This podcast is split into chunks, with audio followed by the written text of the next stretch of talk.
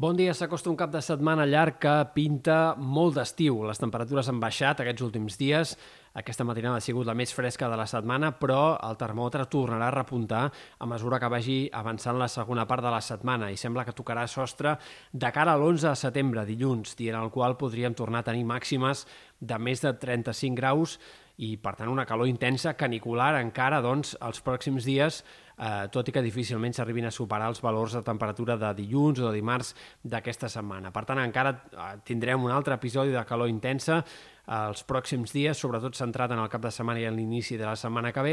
i a més llarg termini, a partir d'aquí sembla que la baixada progressiva marcarà la setmana vinent i que probablement arribarem a mitjans de la setmana que ve amb temperatures una mica més baixes, fins i tot, per exemple, que les d'avui. En tot cas, eh, encara no segurament valors tan baixos com els de finals del mes d'agost.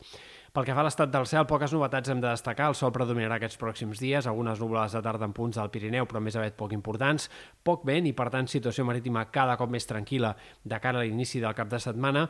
i esperem canvis a partir de dilluns, però sobretot a partir de dimarts, dimecres. A dilluns podríem començar a tenir més vent de Garbí,